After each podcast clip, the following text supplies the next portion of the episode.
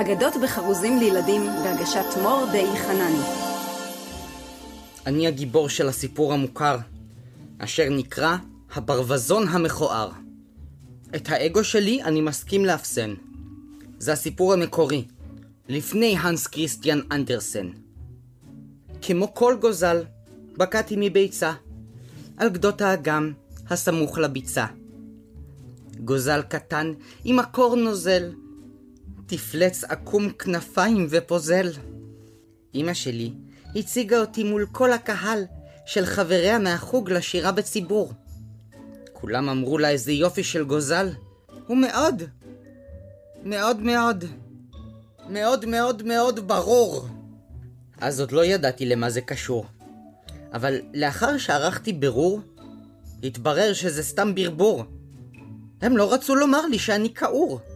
תמיד שמעתי מסביבי התלחשויות. כששיחקתי לבדי, בפינת הקוביות.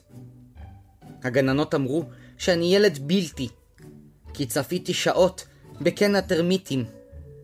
אותן גננות גם שלחו אותי לערוך בדיקה, כי שברתי את החלונות כשזייפתי בשיעור ריתמיקה. לכל הגוזלים האחרים כבר צמחה הנוצה הראשונה, עד לסוף השנה. הכיעור הפך אותי בוש ונכלם. בתמונת המחזור, אני הייתי הצלם. להיות ברווזון מכוער זה ממש לא כיף.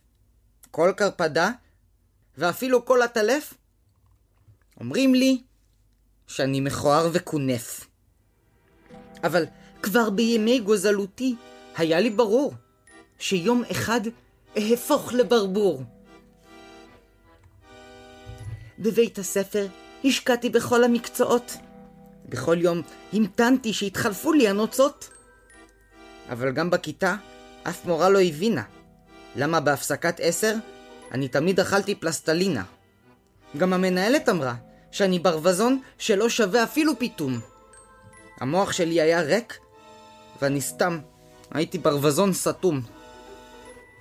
אז אמרתי לעצמי, ברווזון, תזכור, הראש שלך יגדל לפרופורציות של המקור. ובמשך הזמן, לא הנוצות ולא המקור הארור. כלום לא הביא לתוצאות. אף פעם לא הפכתי לברבור.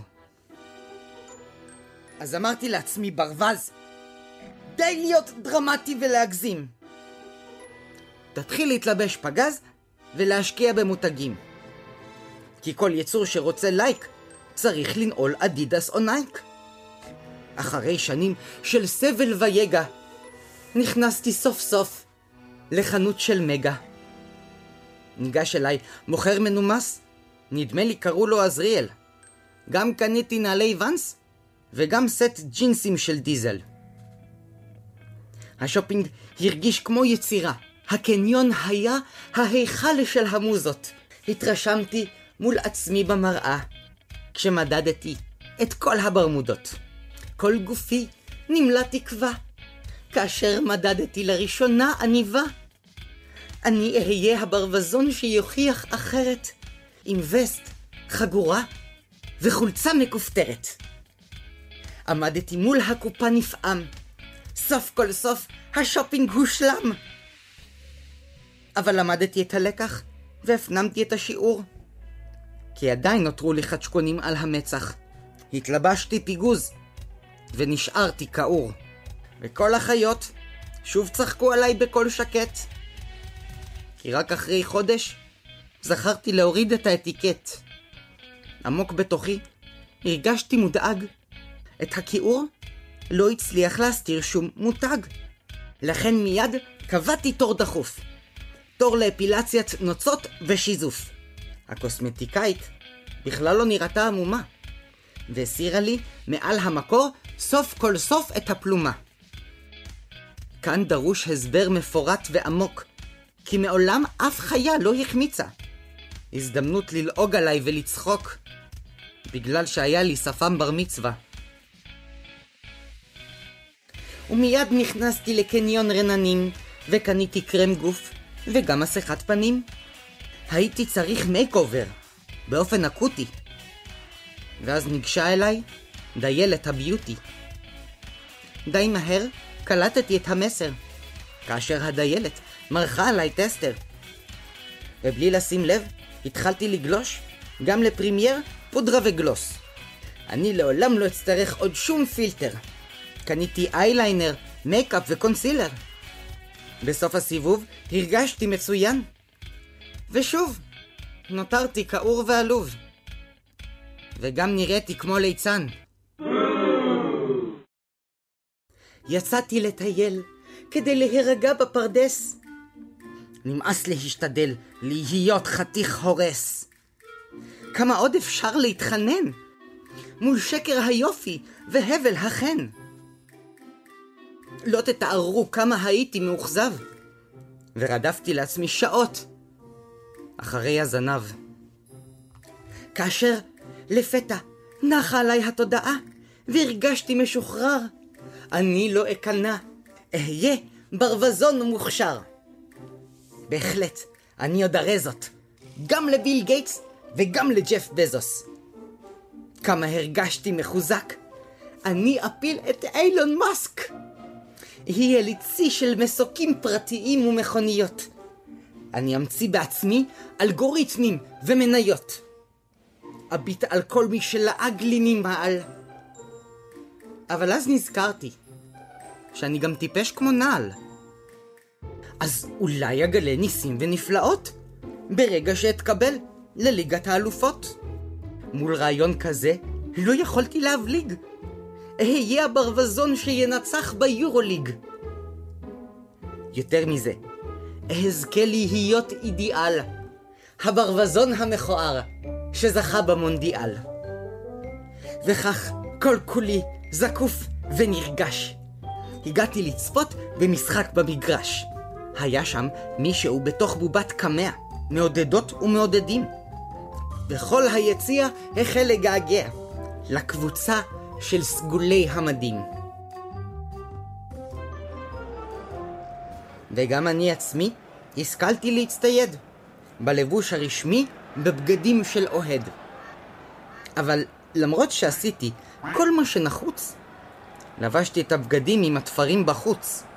אז אמרתי, לא נורא, אכנס לעניינים. שתיתי מים מהממטרה ונשנשתי קליפות של גרעינים. לאחר המשחק, שהסתיים בניצחון, ידעתי שהגיע הזמן למעשה הנכון.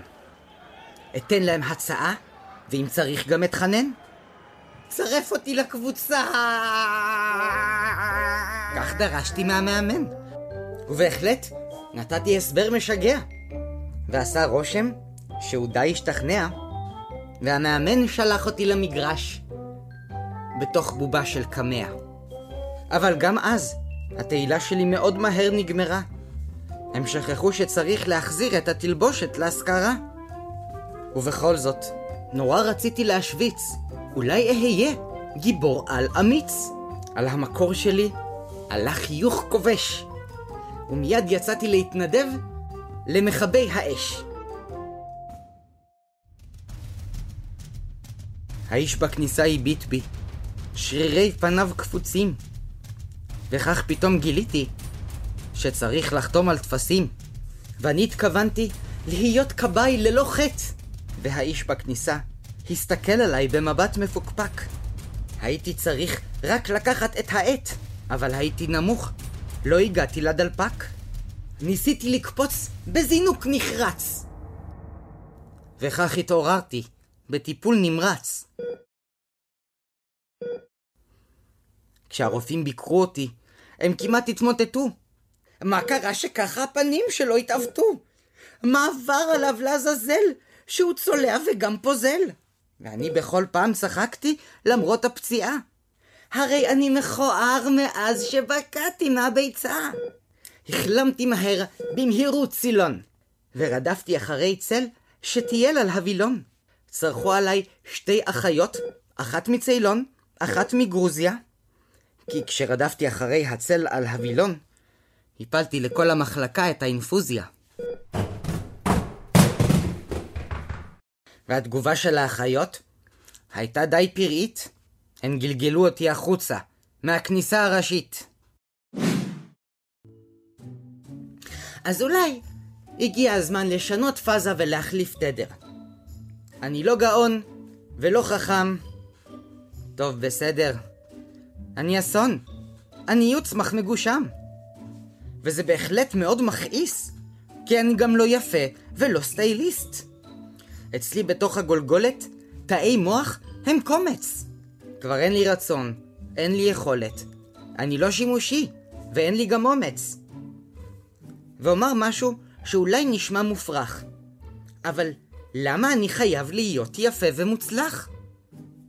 ברווזוני העולם, דיכאתם אותי, וגם הענשתם. רק בגלל הרפיסות של דמותי?